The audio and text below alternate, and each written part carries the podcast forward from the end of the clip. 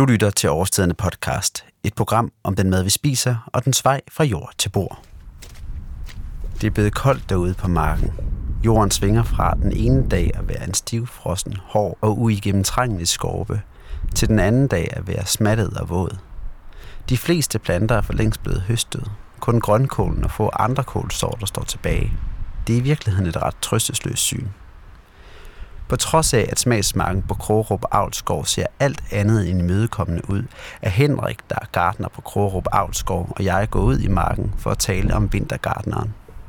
For hvad laver en gartner egentlig, når det er vinter? Det får du svar på i denne udsendelse, og du vil også komme med på den samme rejse, som hundrede af planter har taget før dig, men som kun et fortal har gennemført.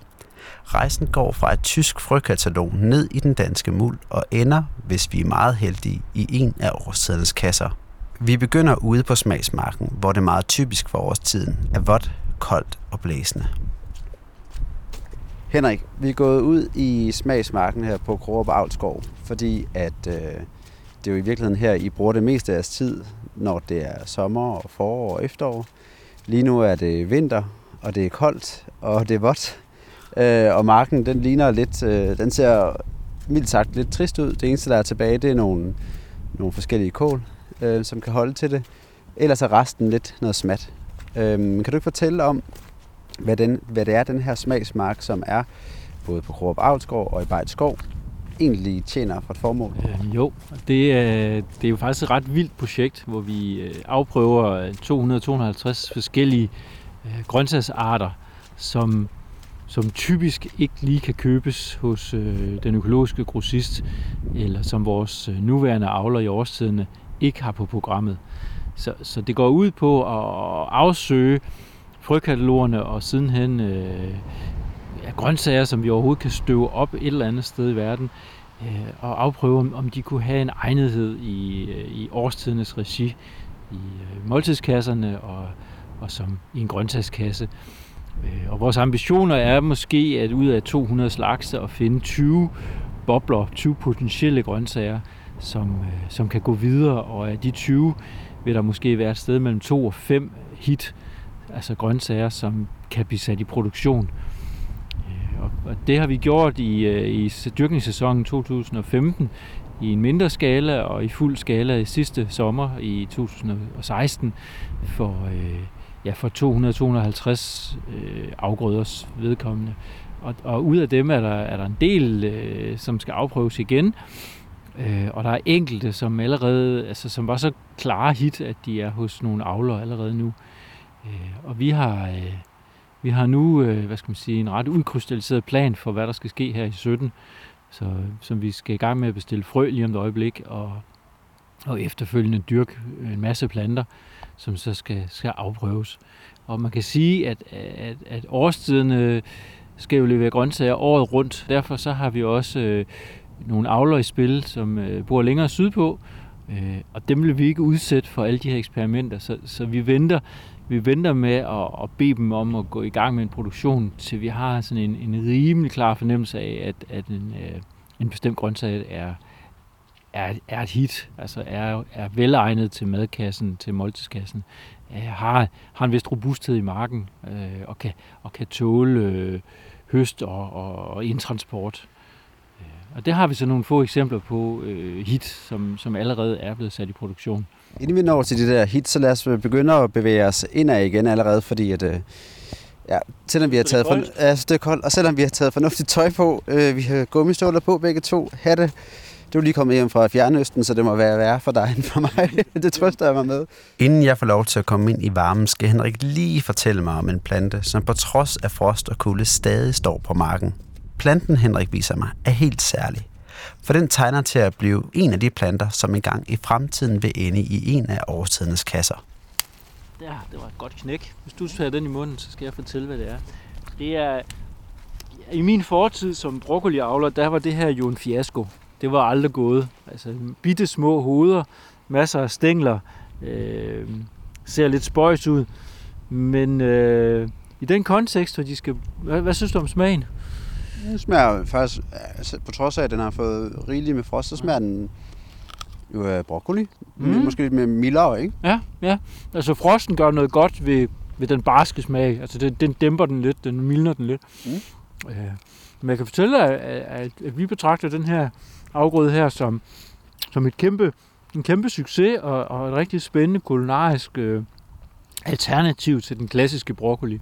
Øh, den smager mere. Den kan spises rå. Øh, den kan også tilberedes og dampes. Den er lilla i, i, i blomsterknopperne.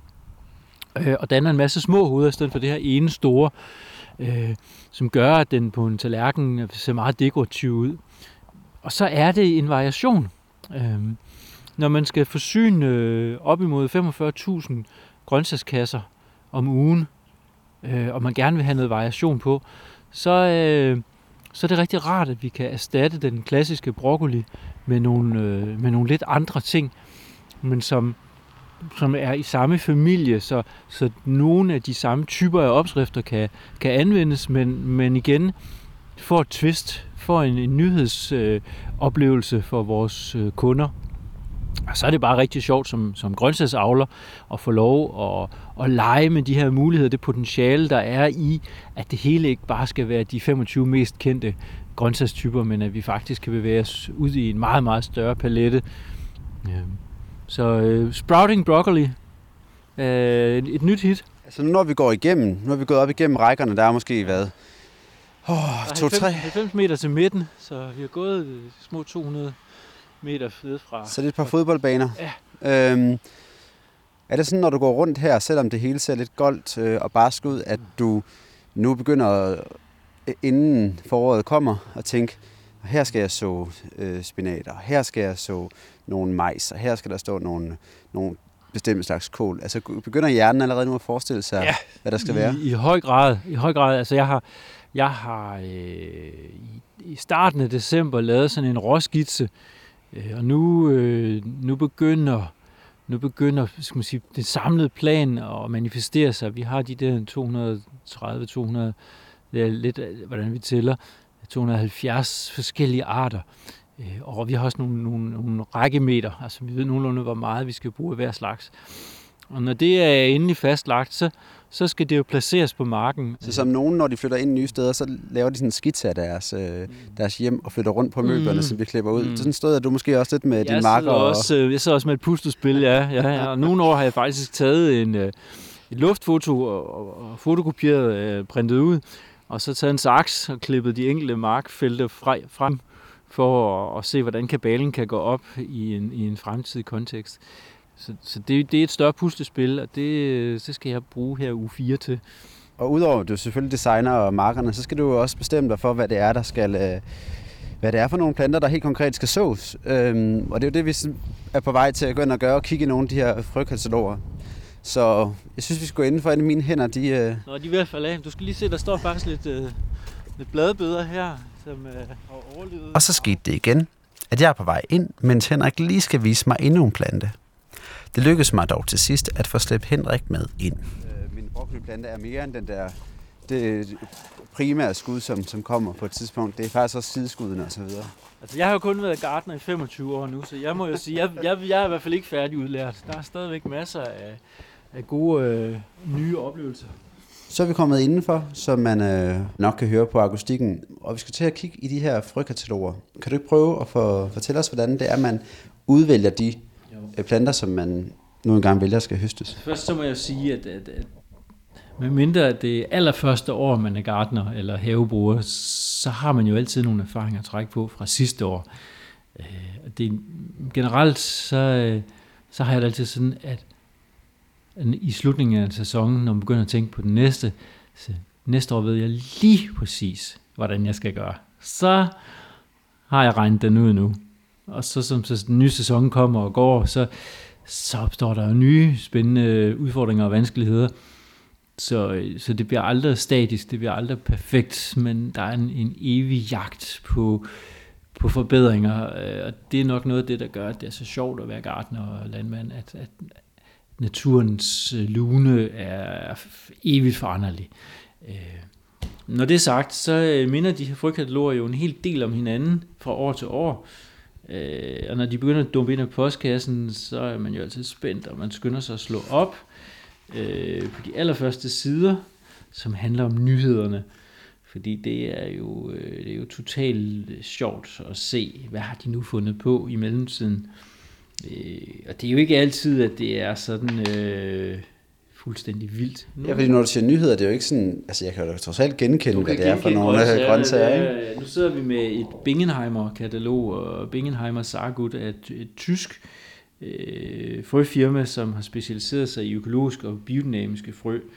Øh, men ellers så, øh, så er sådan et frøkatalog jo simpelthen øh, en lækker bisken for sådan en, øh, en iskold januardag i, øh, i Nordeuropa, eller Danmark her. Og man kan jo bare starte et sted her, så se øh, på, på ærter her, der har de øh, fire slags, altså nogle ganske almindelige pluk, plukærter. Hvis jeg nu havde været en almindelig producent, og ikke en øh, eksperimentel smagsmarksgartner, så vil jeg jo nok vælge for 80% af min øh, ærte, så vil jeg vælge en, en sort, jeg kendte i forvejen, så vil jeg nok vælge Ambassador her. Ja, det er fordi du, og det er fordi du vil tage hensyn til, at du skal have noget, du kan sælge. Simpelthen. Jeg skal simpelthen være sikker på, at jeg får en høst, og at den er salgbar. Øh, og så vil jeg bruge 10% af mit areal eller min frøindkøb på at, at prøve nogle af de andre. Øh, efter jeg har nærlæst teksten og, og ligesom og der kan man godt tage en chance og, og prøve noget helt nyt, som den her over, øh, Sweet Horizon. Eller man kunne vælge at sige, okay, der er måske en her, der har nogle egenskaber, som er lidt anderledes end Ambassadors, for eksempel lidt tidligere, lidt senere, øh, mere eller mindre fylde, eller hvad det nu måtte være. Der er jo mange, mange ting, man kan, man kan gå op i i sådan en, en grøntsag. Det kan man nørde rigtig meget. Men jeg ville ikke ture og, og tage chancen, hvis jeg skulle sælge mine ærter til et marked og, og, og, og kun prøve nyt. Altså, jeg vil være nødt til også at have noget, noget sikkerhed. Som Henrik netop har beskrevet, så er det sådan, at mange af de avlere, der dyrker grøntsager, primært holder sig til et ret begrænset udvalg af de forskellige sorter, der findes. Det skyldes, at man skal være sikker på, at man som avler får et produkt, som supermarkederne vil købe. Er man for eksempel kartoffelavler, kan det være, at man kun dyrker en til to forskellige sorter af kartofler, fordi man ved, det er realistisk at få solgt. I modsætning til de andre landmænd og gartnere skal Henrik ikke bekymre sig så meget om salg. Hans opgave er at gå på opdagelse i planternes verden. I smagsmarken leder Henrik nemlig efter de grøntsager, som ikke i forvejen findes på butikkernes hylder, og som ikke i forvejen dyrkes af andre avlere. Det kan fx være spændende bønnesorter. Jeg ved jo ikke så meget om bønner, det vil jeg gerne indrømme. Øhm, interesserer mig mere for fodbold end for bønder. Mm. Så derfor ved jeg godt, hvilket hold jeg holder med. Mm. Øhm, og går ikke kun efter, hvilken, hvem der har den pæneste trøje. Det er det, man nogle gange hører folk til. Jeg holder med dem med, med de flotte trøjer på. Og lidt det samme har jeg det her med bønder. Jeg holder med dem. Jeg vil nok have valgt dem, som er de pæneste. Så vi har nogen her, som er øh, hvide med nogle lyserøde, lilla øh, streger på, eller med ja, pletter på. Den er, den virkelig, virkelig flot. Den, øh... Men det har du ikke sat et kryds, du har sat et kryds ved en anden en. Ja. Øh, hvordan, hvad er det for nogle parametre, du, du vælger? Fordi at, du har jo ikke valgt nødvendigvis de pæneste hver eneste gang.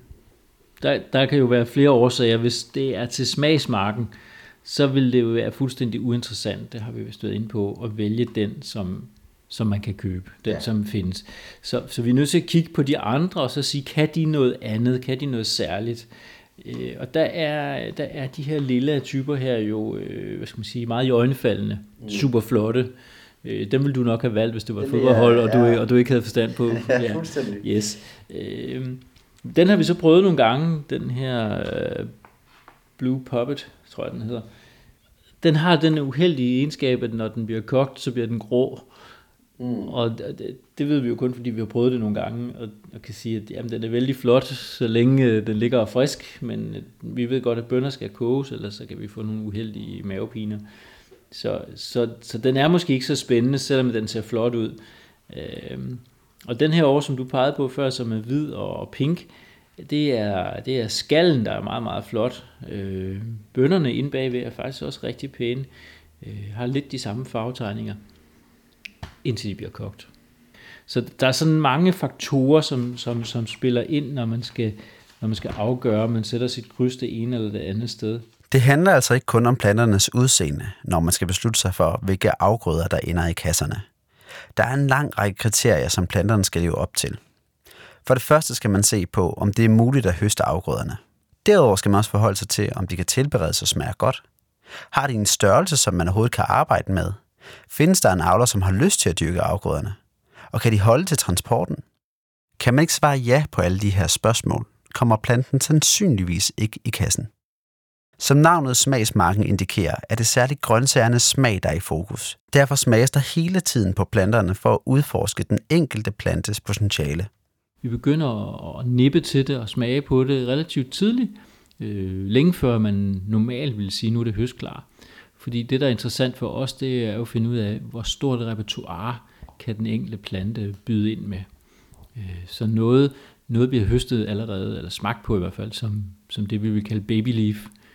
Øh, og så kører vi jo hen over øh, dyrkningssæsonen, og nogle gange etablerer vi den, den samme type afgrøde, både i den tidlige forårsvariant, og så i en sommer og en efterår. Også for at se, hvordan arter den sig på forskellige tidspunkter.